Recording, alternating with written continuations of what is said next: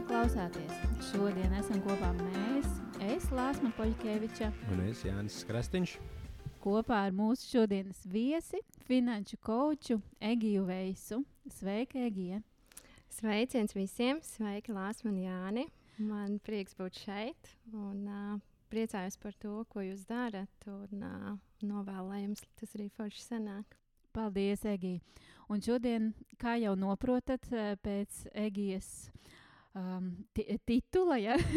ja tā var teikt, es nekad nezinu, kā to nosaukt, jo nav arī īsti tādi amata apraksti. Tas ir kaut kāds mūsu iedotais nosaukums, finanšu coach.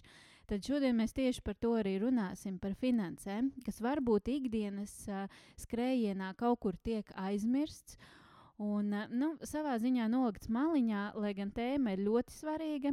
Parasti mēs tai uzduramies tad, kad naudas ir vai nu pa maz, vai nu pa daudz, un mēs nezinām, kur to likt. Lai gan nezinu, vai tiešām tāda situācija mēdz būt ikdienā. Nu, lūk, par dažādām pārliecībām un par to, kā finanses iet kopā ar mūsu pašu izaugsmi. Bet pirms mēs sākam par šīm visām tēmām, Egija, varbūt tu vari iedot mums tādu nelielu ieskatu, kā tu pati esi saistīta ar finansēm un kā tu nonāci tur, kur tu esi šobrīd. Patiesībā interesanti, ka tu pieminēji arī par to finanšu coach, kā, kā izdomātu nosaukumu savā ziņā. Jo arī es pati par finanšu coaching kā tādu uzzināju tikai burtiski pirms uh, diviem gadiem. Uh, Pirms tam man vispār nebija nekādas nojausmas, ka ir šāda profesija, un, un tas arī ir tāds interesants ceļš, kā es līdz tam nonācu. Jo tas, viss, viss tā ļoti interesanti dzīvē ir salicies kā tādi puzles gabaliņi saistībā ar to, kā es līdz tam nonācu. Un to es tikai tagad tā, pamazām sāku to bildi tīt atpakaļ un saprotu, cik ļoti katrs solis, ko es dzīvē esmu darījusi, ir novedis līdz, līdz šim. Jo tieši tāpat kā tā mana darba pieredze ar uh, uzņēmumu finansēm šeit ļoti, ļoti labi nodara. Tāpat arī mana izglītība, kura sākumā varbūt bija pat neapzināti aizgājusi uz finansēm, vai nu kaut kāda neliela apstākļu sakritības dēļ. Tajā brīdī es vēl nesapratu, ka tā būs uh, ap to es saistīšu savu karjeru. Tāpat arī sākotnēji mācījos uh, pavisam kaut ko citu. Mans uzstādījums bija mācības angļu valodā. Un, un pati tā tēma pat nebija svarīgākā, jo mans bakalaurs vispār ir, ir turisma nozarē. Un, un tajā brīdī man arī likās, nu, kāds man dzīvē noderēs. Bet tagad par to es esmu saskatījis, kā tas ir man noderējis. Jo, jo mācījos finanšu coachingus angļu valodā, un tā, nu, tas arī palīdzēja, mm. ka tās studijas bija tomēr angļu valodā, un tad arī no tā es patiesībā ieguvu. Un tāpat arī visa tā personīgā pieredze, gan tas, ko es redzēju bērnībā ar naudu, visi tie scenāriji, tas viss tagad tā sanāk tādā vienā groziņā kopā. Un, tad tā, ja konkrētāk, kas man pie tā noveda, tad, tad noveda tāda.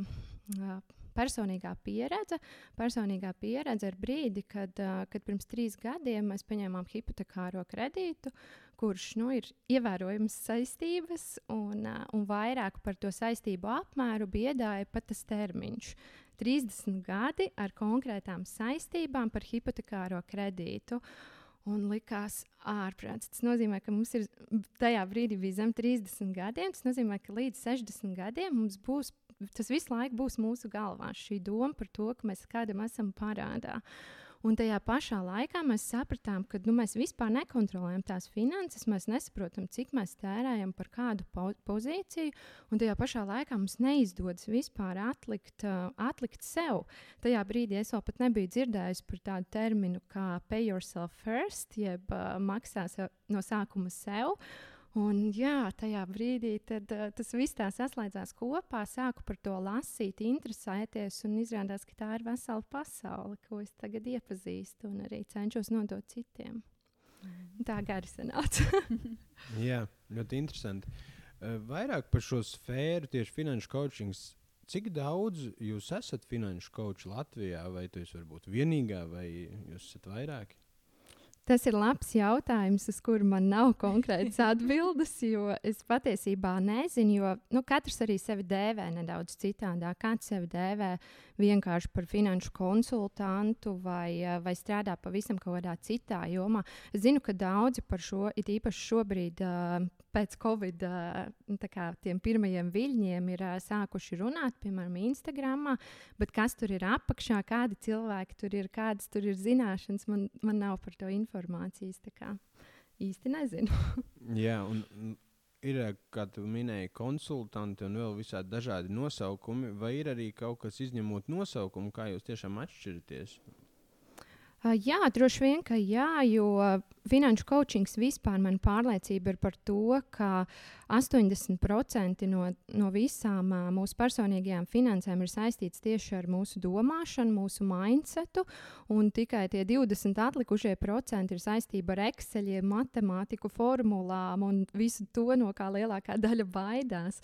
Un, un tā arī ir atšķirība, vai tu strādā tikai ar šiem ekseļiem un parādi šo konkrēto budžetu, kā ielikt ciparus un ko no tā dabūt, vai tu domā jau tālāk, kas ir, kas ir vērtības tam visam apakšā, kādi ir mērķi.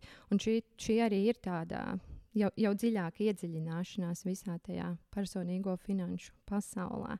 Ar to arī ir tā atšķirība, ka kāds varbūt strādā tikai ar to tikai ar cipariem, kāds strādā ar visu to kopumu. Jo mana pārliecība ir, ka tas ir viss jāskatās uh, kopā.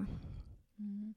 Paldies, es tev ļoti par šo piekrītu. Un vēl mēs šodien runājam par finansēm. Un mēs pieskārsimies šīm dažādām pārliecībām, mūsu uzskatiem. Bet varbūt tu vari sākumā paraksturot šobrīd, kādas ir tās tavas attiecības ar naudu un finansēm. Tas ir labs jautājums, jo patiesībā es arī, protams, esmu vēl procesā savu finanšu izkopšanā. Un, uh, un vēl aizvien ir kaut kādi, kaut kādi gadījumi, kad, uh, kad arī man ir ar sevi jāveic pārunas. un, uh, un tā kā jāno, jānostāda sev atpakaļ uz tā ceļa.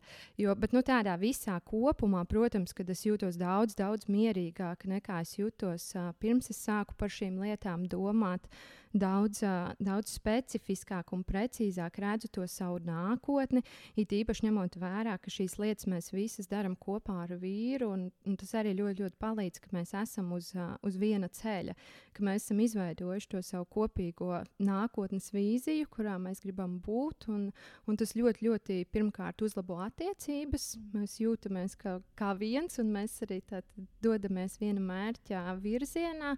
Un tas ir ļoti, ļoti izplatīti attiecībās, um, attiecībās kad viens iet uz vienu pusi, otrs uz otru. Kopā mums īsti nekā nav. Un, vai, vai vienkārši neesam nonākuši līdz tiem kopīgajiem mērķiem, un tad pēc 20 gadiem mēs saprotam, tā, kur mēs aizgājām. un, uh, jā. Man nāk prātā tāda lieta, ka šī ir ļoti nauda, vispār ļoti intīma tēma. Un, uh, daudz cilvēki, vismaz no pieredzes, varētu pateikt, nu, tā, tā kā kautrējās vai baidās runāt publiski par to. Un savā ziņā e, tu esi kaut kāds tāds dakteris, kur aiziet, un mēs tev kaut ko pateiksim, tikai tu nevienam nesaki. Kā tev liekas, kāpēc ir? Šis, šī, šī problēma, teiksim, vai šī attieksme tāda, ka tas ir ļoti intīmi un kāpēc cilvēki baidās? Nu, lielākoties tāpēc, ka visu laiku no, notiek kaut kāda salīdzināšanās. Mums ļoti, ļoti grūti izkāpt ārā no tā, ka mēs salīdzinām sevi ar otru. Un tas arī ir tas pats interesantākais personīgajās finansēs, ka, ka tās situācijas ir tik ārkārtīgi individuālas. Jo, nu, sanāk, ka tas, ko mēs redzam, tagad man nāk cilvēks pretī pa ielu, skaisti apģērbies, varbūt izkāpis tikko no, no jaunākā Audi, Un tagad es galvā jau uzzīmēju kaut kādus priekšstatus, bet patiesībā es vispār nezinu neko par to cilvēku. Es nezinu, cik viņam ir kredīti, es nezinu, kādas viņam ir problēmas, es nezinu, kāda ir viņa domāšana, bērnība un tā tālāk. Es nezinu, kas viņam notiek mājās, bet es jau esmu uzbūvējis šo priekšstatu par to cilvēku, kas ārkārtīgi traucē dzīvot. Un, uh, un man liekas, ka tā ir viena no tām lietām, kāpēc, uh, kāpēc būtu labi būt, uh, būt atklātākiem uh, un, un vienkārši arī dzīvot saskaņā, saskaņā ar to, kas tu patiešām esi. Un, jā, kāpēc ir grūti runāt vēl par finansām? Nu, jā, tad ļoti, ļoti izplatīti, protams, kad ir uh, kauna sajūta. Kauna sajūta par to, ka kādam iet labāk, kādam iet sliktāk. Un, uh, jā, tas arī ir kaut kas, ar ko cilvēkiem, protams, ir jāsadzīvo. Mm. Jo man liekas, ka ir daudz vieglāk paņemt tos ciparus un viņus salīdzināt, kuram ir 1000 eiro, kurš pelna, kurš 1500, 2000, 3000. Mēs redzam to atšķirību. Savukārt ar kaut kādām citām lietām, nezinu, ar emocijām, nu, kā mēs īsti viņas izmērīsim vai salīdzināsim. Tāpēc, jā, iespējams, tas ir kaut kāds pirmais materiālais, ko mēs ārēji redzam, kā tu teici. Un te jau parādās tie mūsu pirmie tādi uzskati, ko mēs pamanām, ko mēs novērojam. Un man ļoti patīk, ka tu arī savā Instagram profilā dalies ar tādiem praktiskiem ikdienas padomiem. Un arī pavisam nesen tu biji jautājusi arī par eh, mūsu pārliecībām. Kas ir tas, ko mēs esam domājuši par naudu bērnībā, un eh, kā tas šobrīd mums atspoguļojās? Uh, Kā ir? Ko tu novēro? Kas ir tie mūsu visbiežāk sastop, sastaptie tādi uzskatu modeļi par naudu, par finansēm, ko mēs esam sev paņēmuši no bērnības, un kas iespējams vienā gadījumā palīdz, bet pavisam citā varbūt tieši ļoti traucē? Jā, ar šo bērnību ļoti interesanti, jo es arī veicu aptauju uzreiz Instagram, cik cil kā cilvēki uzskata, cik ļoti viņus ir ietekmējis un vai ir ietekmējis tas, tas ko viņi redzēja bērnībā. Un tur uh, pa, pozitīva atbilde bija vairāk kā 70%. Man šķiet, kas ir iespaidīgi. Es ne, negaidīju patiesībā, ka tas būs tik daudz, jo es zināju, ka tam ir milzīga ietekme. Un, un, protams, ka es to pati arī jūtu uz sevi. Un tagad vairāk analizējot to, ko es pati daru ar naudu un to, ko, to kā es par to domāju, es ļoti, ļoti velku paralēlus ar to, kā mana mamma darbojās ar naudu, ko es redzēju apkārt, kā radinieki, kā draugi. Un tas viss veido to, to mūsu bagāžu. Un, uh, un tāpēc ir ļoti, ļoti svarīgi mēģināt. Uh, tagad mums ir pašiem sava dzīve. Mums kā, jāmēģina izkāpt ārā no tā, saprast, ko es gribu un kā es līdz tam varu nonākt. Jo nu, mums ir iespējas, uh, iespējas pateikt, paldies, bērnībā bija šādi, bet es darīšu citādāk. Es, es saprotu, ka man vajag darīt citādāk. Un, uh, Jā, tad par tiem uzskatiem. Nu viens no tiem uh, uzskatiem, kas vēl ir ļoti, ļoti izplatīts, ir par to, ka budžets mani ierobežo. Tas ir tas, ko cilvēki bieži, bieži, bieži piemin, un, uh, un ir, tā ir viens no galvenajiem iemesliem, uh, kāpēc cilvēki varbūt negriež pēc palīdzības. Jo viņiem liekas, ka viņi tagad atnāks pie maniem, un es pateikšu, tā, nē, šito mēs nogriežam, šito mēs nogriežam, šito mēs nogriežam. Bet uh, tas galīgi nav veids, kādā es strādāju. Jo nu, patiesībā, ja mēs paskatītos ilgtermiņā, tad, um, tad budžeta. Budžets un finanšu plānošana mums rezultātā iedod vairāk mieru un pārliecību par to, ko mēs darām. Pāris minūtes atpakaļ pieminēji tādu vārdu kā mindsets.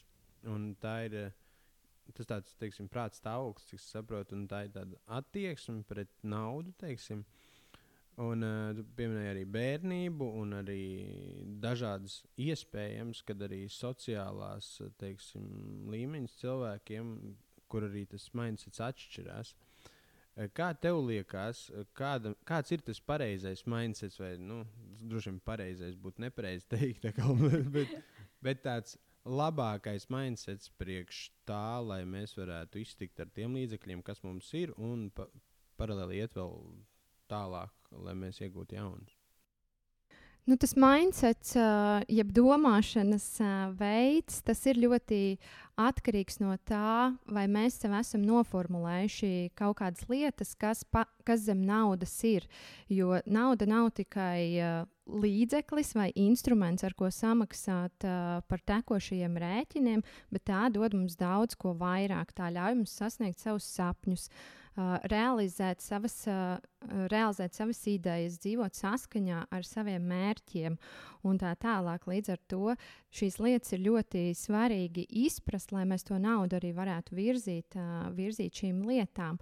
Jo, ja mēs ieciklējamies uz to, ka, ka nauda ir slikta, nauda nenāk, uh, es neesmu domāts naudai, tad, uh, tad, protams, ka ir ļoti grūti sevi pārliecināt par pretējo, ja tu neesi ar sevi ļoti konkrēti pastrādājis. Un tajā, protams, ka mēs varam nonākt pie vēl vienas tādas pārliecības, jeb tā uzskata par to, ka, ka finanšu plānošana ir domāta tikai tiem, kas pelna daudz, vai, vai ka finanšu plānošana man noderēs tikai gadījumā, ja, ja Jā, tātad viens no tiem uzskatiem ir arī par to, ka finanšu plānošana ir pieejama un vajadzīga tikai tiem, kam ir daudz naudas, ja, ja kam ir labs, labs finansiālais stāvoklis. Bet nu, tas ir patiešām absolūts mīts, jo, jo rodas situācija, kad uh, es kādam pasaku par to, ka nu, jums vajadzētu drošības spilvenu. Arī cilvēkam, kam iespējams ienākumi nav tik lieli, viņš dzīvo no algas līdz algai. Un tad ir, nu kā, kā es tagad atlikšu drošības spilvenu?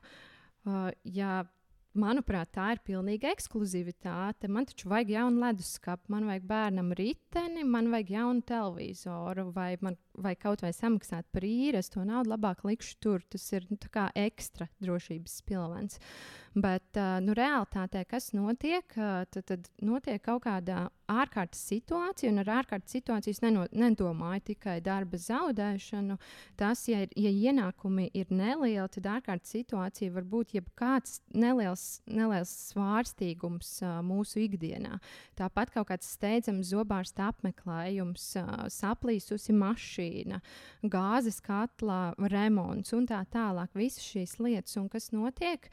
Tad, uh, tad šis cilvēks, kam nav izveidots drošības pilvens, un ja mēs dzīvojam arī no algas līdz algai, tad, uh, tad pie kur mēs atopamies, mēs atopamies rindā pēc kredīta.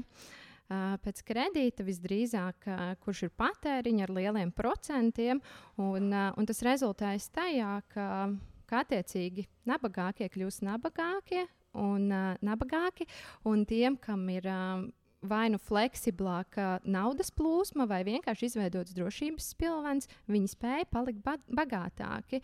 Līdz ar to tas ir milzīgs mīts par to, ka drošības pilvens ir vajadzīgs tikai, tikai tiem, kam ir uh, labi ienākumi. Tā, tā nebūtu nav tieši pretēji. Labi, es izmantošu iespēju vēl pajautāšu sev personīgi jautājumu par pārliecībām, uh, ko es arī ilgu laiku sevī mēģināju pārveidot, un ko es redzu arī citos cilvēkos, ir, ka man ir daudz jāstrādā un bieži vien ļoti smagi, lai nopelnītu naudu. Un tas ir iespējams kas tāds, kas mums nāk no, no vecākiem, no mm, vecākiem, mm. kur mēs redzējām šo darba kultūru, kur tiešām nebija tikai astoņu stundu darba dienas, bet tiešām bija jāstrādā vairāk, bija jāstrādā divos, trijos darbos. Un tas ir kaut kur iespiedies zemapziņā, ka liekas, ka nu, ka nevar tagad atpūsties, jo tad jau man nebūs naudas. Vai tu arī ar šādiem gadījumiem strādā?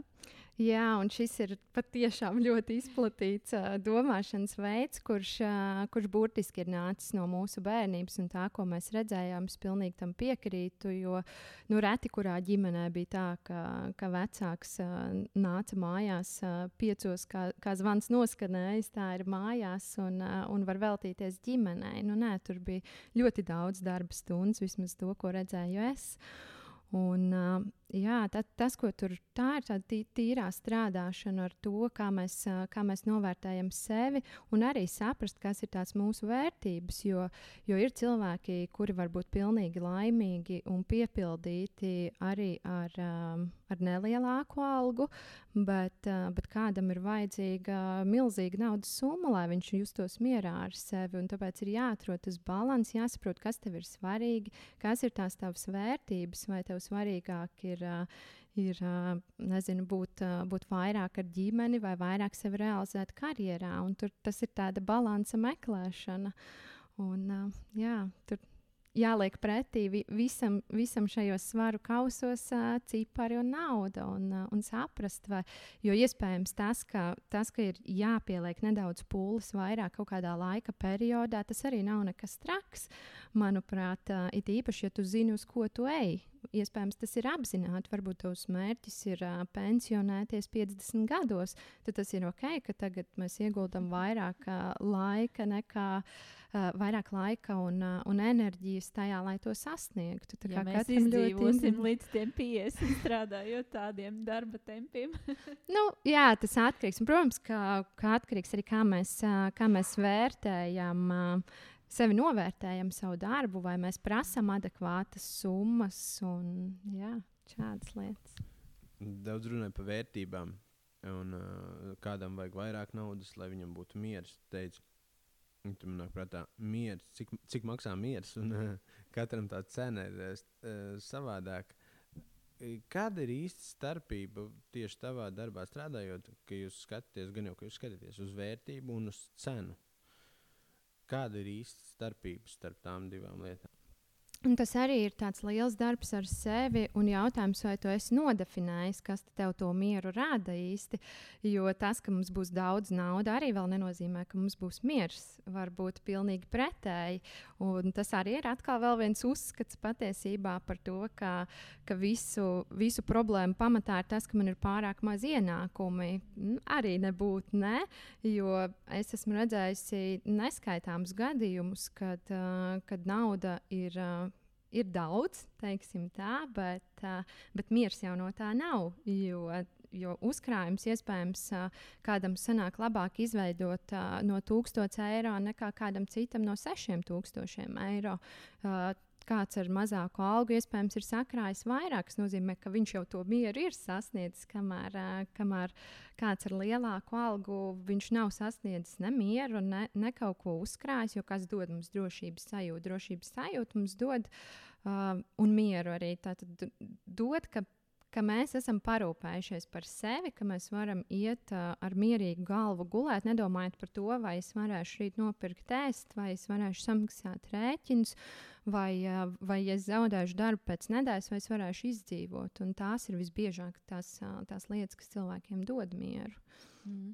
Un viens ir tur runā par to, ka mēs pievēršamies personīgajām finansēm, tās sakārtojam un gūstam sev lielāku mieru. Uh, Bet uh, kā ir tajās situācijās, kad cilvēks vairāk pievēršas sev, savai pašizaugsmai un strādā nu, tādiem no saviem iekšējiem resursiem, par to, ko tu runāji, par uh, sakārtojot vērtības, mērķus, savu vīziju. Kā tu redzi, kā šī pašizaugsme ietekmē arī personīgās finanses? Cik ļoti tas ir saistīts? Tas ir ārkārtīgi saistīts. Un, un jo vairāk es interesējos par, par personīgajām finansēm, jo lielāku saistību un ietekmi es tām redzu uz, uz visu, ko mēs darām. Jo, ja mēs esam neapmierināti ar naudas jautājumiem, vai, vai saprotam, ka mums ir par maz, vai, vai kaut kas nenotiek tā, kā gribētos, vai nu vispār nesanāk sakrāt, un nu, nekā ļoti gribu to uh, to ceļojumu, bet nevaru tam sakrāt. Un tas visu laiku krājās šīs sajūtas. Un, un kur tas nāk ārā, tas atspoguļojas uz mūsu attiecībām ar citiem cilvēkiem. Tas atspoguļojas ar attiecībām darbā, kas nozīmē, ka tālāk tas jau iespējams kaut kādā veidā var ietekmēt arī karjeru. Tas attiecās arī uz, uz negulētām naktīm, kas tālāk jau atstāja iespaidu uz veselību. Tā tur, tur tās paralēlas un to ķēdīt var vilkt ļoti, ļoti tālu, cik ļoti tā, tā ietekme veidojās. Un, uh, Jā, un, un tas, ka apzināti vai neapzināti, ja mēs mūsu finanšu plānošanai nepievēršamies, tad, tad tas, kas notiek, ir, mēs automātiski pakļaujam sevi kaut kādām izvēlēm, kuras iespējams citādāk mēs nemaz neveiktu. Jo, nu, piemēram, piemēram tagad, ja man ir darba piedāvājums jauns, vai es gribu mainīt karjeru, man ir kaut kāda biznesa ideja, tad uh, tas, kas mani var turēt atpakaļ, patiesībā ir nauda. Jo es esmu uzņēmusies tik daudz kredīt saistības, es esmu uh, uzbūvējis sev tādu dzīvesveidu, kurš man ir jāspēj nodrošināt, kas attiecīgi jau ietekmē tās manas izvēles, ko es darīšu. Iespējams, es neuzsākšu to jauno biznesu, kas ir mans, uh, uh, man mirdz acis par to, bet es saprotu, ka nav simtprocentīgi garantīva, ka es spēšu nodrošināt. Uh, to savu dzīvesveidu un apmaksāt tos kredītus, kas ir, kas ir mans pienākums. Un, un tā rezultātā mēs varam nepieņemt lēmumus, kas patiesībā mums būtu gan veselīgi, gan tas, ko mēs patiesībā gribētu. Un tas ir ļoti, ļoti skumīgi. Man šķiet, ka, ka tai naudai ir tik liela ietekme. Un tad jau es tālāk vienmēr to ķēdīt arī būvēju, kad, ka beigu beigās jau nauda ietekmē arī to, kur mēs mācāmies, ko mēs ēdam, cik bieži mēs satiekam savus draugus un tā tālāk.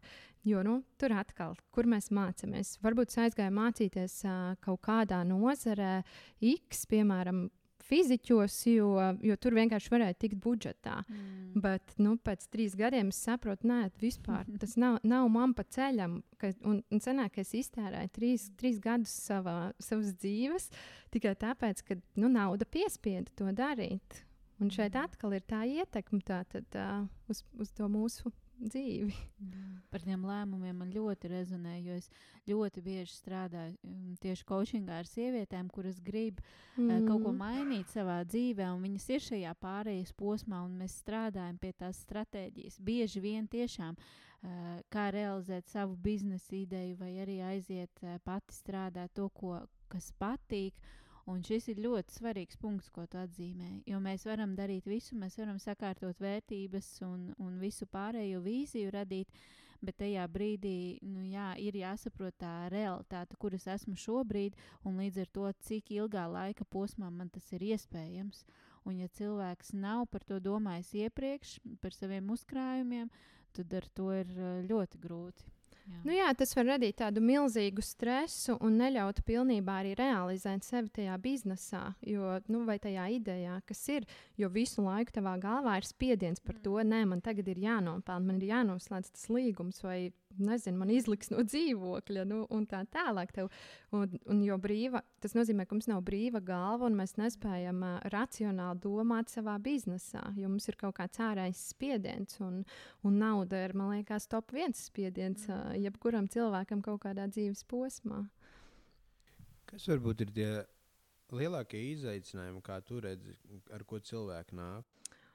Lielākie izaicinājumi Nu, ir pirmkārt tā, tā dzīve no algas līdz algai, kad, uh, kad cilvēkam nu, nekādā veidā nesanāk sakrāt, mēģinu krāt, tieku līdz uh, kaut kādai summai X.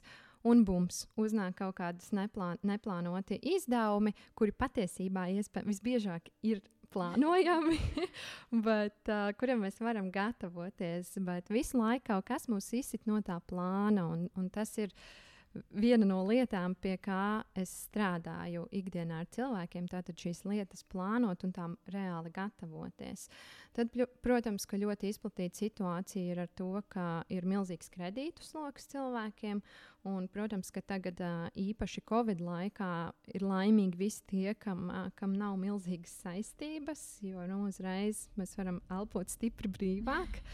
Un, un tiem, kam tās ir, nu, tad tur ir ļoti jāsaprot, kurā virzienā kas tiek uh, nogriezts visbiežāk. Un tas arī ir tas, ar ko cilvēki nāk. Tātad, kā atbrīvoties no tiem kredītiem. Tāpat daudz tagad ir sapratuši tā drošības pilvena nepieciešamību, un tas ir kāpēc griežās pie maniem.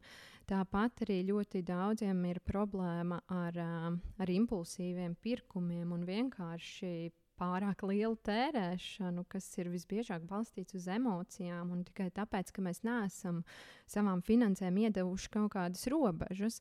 Cilvēki pirmajā brīdī parasti sabaidās no vārda robežas, bet nu, tā mana pārliecība ir, ka robežas ir vajadzīgas ne tikai bērniem, kā, kā jebkurš psihologs pateiks, bet robežas arī mums pieaugušiem ir veselīgas, it īpaši finansēs. Jo bieži vien sanāk tā, ka mēs uh, naudu iztērējam. Un, uh, un pašiem pēc tam ir graužam sevi, kāpēc es to nopirku. Es taču zināju, ka es nevaru to atļauties. Un, ja mums ir budžets un uh, ja mēs veicam kaut kādu plānošanu, tad daudz patīkamāk arī ir tā naudas tērēšana, ja tu tam konkrēti esi naudu ieplānojis. Mm, jā. Yeah, es esmu daudz klausījies. Vispār tādi, teiksim, pasaulē slaveni tādi runātāji, kas runā par naudu un finansisti. Uh, Un uh, te ir jautājums par teiksim, krāt naudu, likt zeķē vai, vai teiksim, investēt. Vai ir iespēja, kā tev liekas, investēt, ja pat ir ļoti mazi tie ienākumi, bet kaut kā viņu tomēr ieguldīt kaut kādās, es nezinu, lietās vai kaut kur vairāk, uh, kas nav tieši varbūt uh, ciparos aprēķināta, bet, bet teiksim, jā, tāda investīcija. Es nezinu, kā to varētu, teiksim, par 100 eiro vai var 100 eiro investēt kaut kādās lietās ar plānu uz priekšu. Jā, pilnīgi noteikti var. Un, uh, ko nozīmē investīcija? Investīcija nozīmē domāšanu par nākotni, principā. Un to var darīt uh, ļoti dažādos veidos.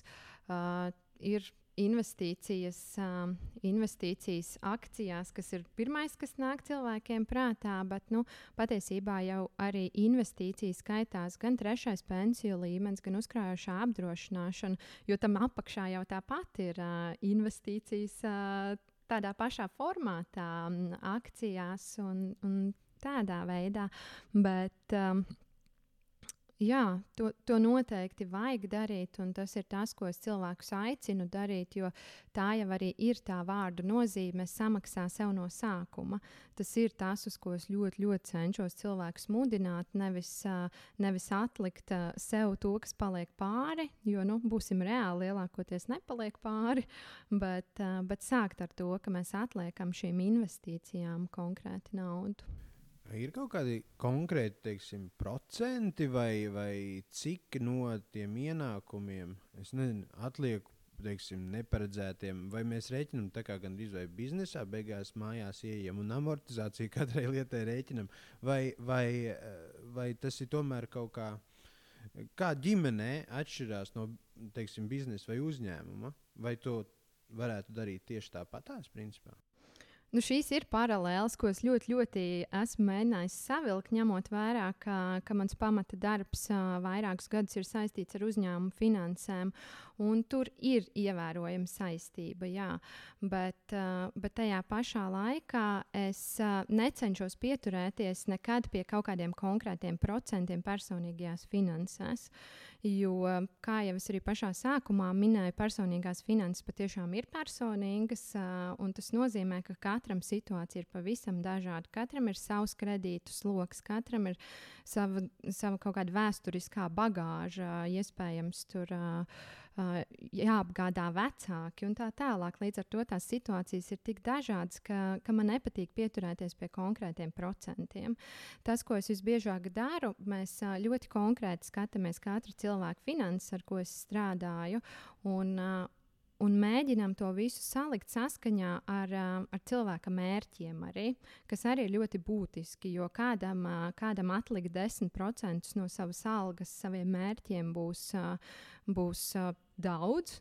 Tā kā liekas, nu, nē, 10% man noteikti piet, pietiks. Mēs paskatāmies, cik tas ir, cik tas būs pēc uh, gadiem, 10 un 20. Bet nu, kādam tas viņš sapratīs, nē, es esmu savu dzīvi iztēlojies pavisam citādāk. Pēc 30 gadiem man vajag atlikt daudz vairāk. Tāpēc katram tas savs uh, nākotnes redzējums arī ir pavisam citādāks, un tas ietekmē to, kā tie procenti beigu beigās sadalās. Mm. Tad, ja tu saki, ka tas ir ļoti individuāli, bet, uh, ja šobrīd varbūt arī kāds mūs klausās un saprot, cik aktuāls ir tās uh, finanses, kā tu iesaki, ar ko varētu sākt plānojot savas finanses?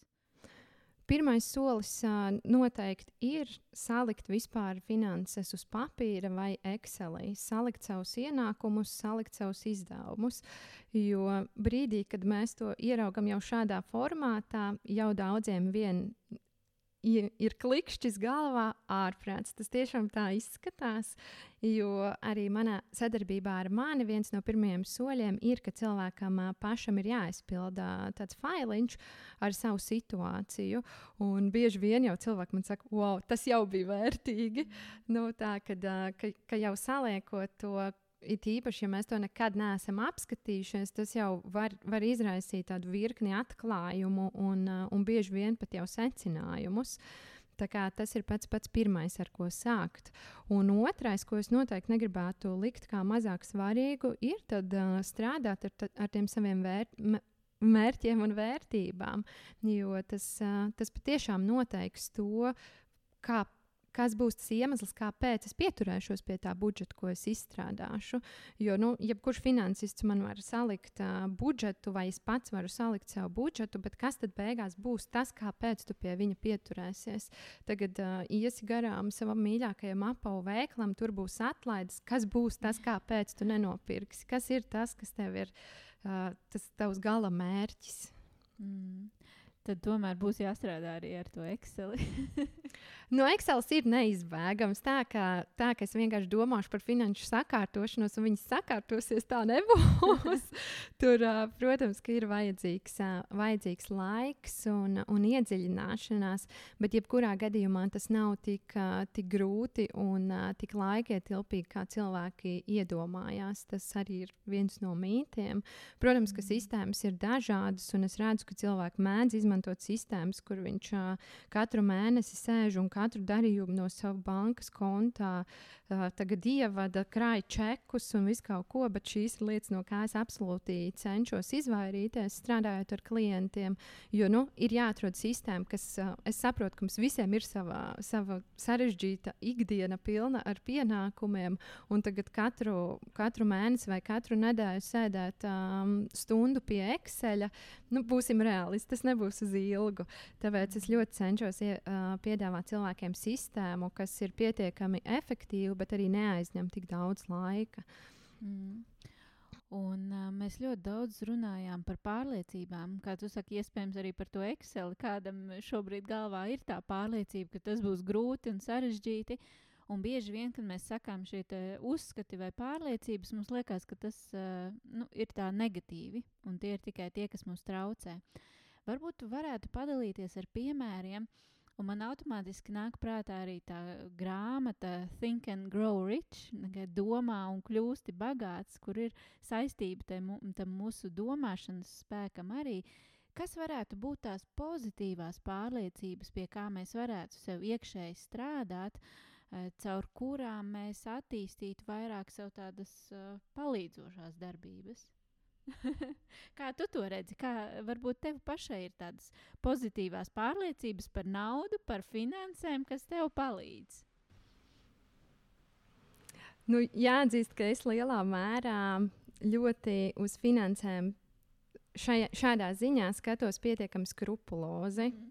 Es, es tomēr ticu, ka mēs esam tas, ko mēs darām, un ka mēs gūstam to, cik mēs darba tajā ieguldam. Uh, protams, ka ir uh, ļoti forši, ka mēs uh, strādājam ar sevi un, un mēģinām iedot, nezinu, skaitīt naudas mantras un tā tālāk. Ja kādam tas der un kādam tas palīdz, tas ir ļoti forši un apsveicami, ja tas noved līdz, arī līdz praktiskām darbībām, mm. kad, kad caur šīm mantrām vai šīm pārliecībām sev tās sakot, ka es saprotu, jā, man pie tā ir jāstrādā, bet tā, ka tikai tas varētu būt vienīgais, ko mēs darām, un, un gaidīt ļoti spēcīgas izmaiņas savā dzīvē. Diemžēl es neesmu to novērojusi, jo, nu, kā, kā jau arī mēs iepriekšējā jautājumā par to, vai, vai Exceli vajadzēs vai nevajadzēs, nu, viņu vajag. Un, uh, budžets ir neizbēgama lieta, lai, uh, lai savas finanses uh, sakārtotu. It, nu, protams, ka ja, ja mēs to gribam uh, tādā kārtīgā, kārtīgā un nopietnā līmenī, tā lai tiešām esam parūpējušies par to savu dzīvi. Ne tikai uz mēnesi, bet uz, uz tādu ilgāku termiņu. Jūs pieminējāt mantras. Man, jā, sēdēt pie bankas konta, skaitīt mantras, tas varētu būt nu, jautri. Bet īstenībā, no otras puses, ja es visu to sarunu savēlu kopā, kā tu minēji, teiksim, tas mindsets un tā bērnība un uh, tā attieksme pret to naudu varētu būt pat 80%. Teici, pareizi? Jā. Jā. Un, uh, līdz ar mantā, mantrām, tāpat kā ar afirmācijām, kaut mm. kādām līdzīgi, mēs varam izmainīt ne jau bankas konta stāvokli, bet mm -hmm. mēs varam attieksmi pret naudu kā mm. tādu. Mm -hmm. Ja mēs esam uh, piedzimuši attiecīgajā laikā, attiecīgajā ģimenē, kur uh, varbūt nebija tik daudz tās naudas, un, uh, un tā attieksme līdz ar to varbūt ir greizsirdība, varbūt aizvainojums, varbūt vēl kaut kas. Līdz ar to mēs uh, skaitot to mantru un sevī pārveidojot to attieksmi, kaut kā kultivējot vairāk to labo attieksmi. Pozitīvo pret to naudu, arī izmainām tos 80% mindset. Un, un nonākam kaut kā, protams, darbības ir neizbēgamas, mm. diemžēl, bet, uh, bet man liekas, ka tas. Uh, Jā, kas ir nauda? Man, man ir jautājums, arī no paša sākuma, jau, kas ir nauda. Un, un, tu minēji, tas nav tikai instruments, bet tas ir arī veids, kā mēs arī principā, kaut kādas piepildām savas vēlmes, varbūt uh, aizbraucam ceļojumā un to dzīves kvalitāti uzlabojam. Mm, vai ir tāds kaut kāds, uh, ja tev uz uzdošu jautājumu, kas ir nauda priekš tevīm? Nu, nauda ir tas, uh, tas rīks, ar kura palīdzību es varu sasniegt savus mērķus. Tas ir tas, kā es uz to skatos. Nevis, nevis burtiski instruments uh, 500 eiro, lai samaksātu savu kredītu vai savus rēķinus, vai vienalga kāda summa, bet, bet ļoti konkrēti tas ir līdzeklis, kas ļauj man virzīties uz maniem izvirzītajiem mērķiem. Baigi interesanti, jo es saku, no otras puses, man liekas tā, ka mēs ejam, ja es eju un strādāju un daru to, kas man ir patīk ļoti, un tā ir mana kaislība. Un uh, sasniedzot savus mērķus, es dabūšu naudu, jo man par to vai samaksās, vai man, man investēs, vai vienalga kaut kā tā. Līdz ar to tur var uz, un beigās man būs atkal nākošais, un tā būs nauda, lai sasniegtu varbūt kaut ko tālāk. Bet, Jā. Var tā gadīties, bet es zinu diezgan daudz piemērus, kur cilvēki arī darot to, kas viņiem patīk, un acis mirdz, bet viņi tomēr nespēja nopelnīt tik, cik viņi gribētu. Tādi scenāriji arī ir. Tā kā tas vienmēr negarantē to, ka, ka mums būs uh, pietiekami daudz naudas, lai mēs, uh, lai mēs uh, jā, realizētos un, uh, un būtu pilnībā nodrošināti. Tas nevienmēr iet roku rokā. Jā, tas ir jautājums ne tikai par naudu. Es domāju, ka nauda ir viens no resursiem.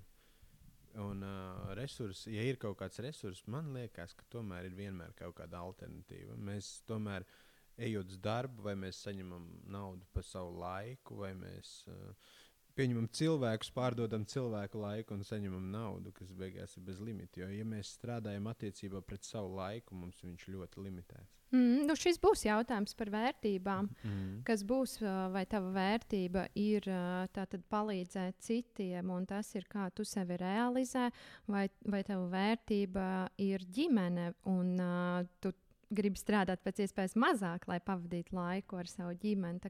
Vai nu tur, tur protams, ka visdrīzāk būs kaut kāds līdzsvars. Tad sarunas noslēgumā, kas ir tāds varbūt vēstījums vai um, kaut kas, ko tu vēl gribētu nodot, pateikt mūsu klausītājiem?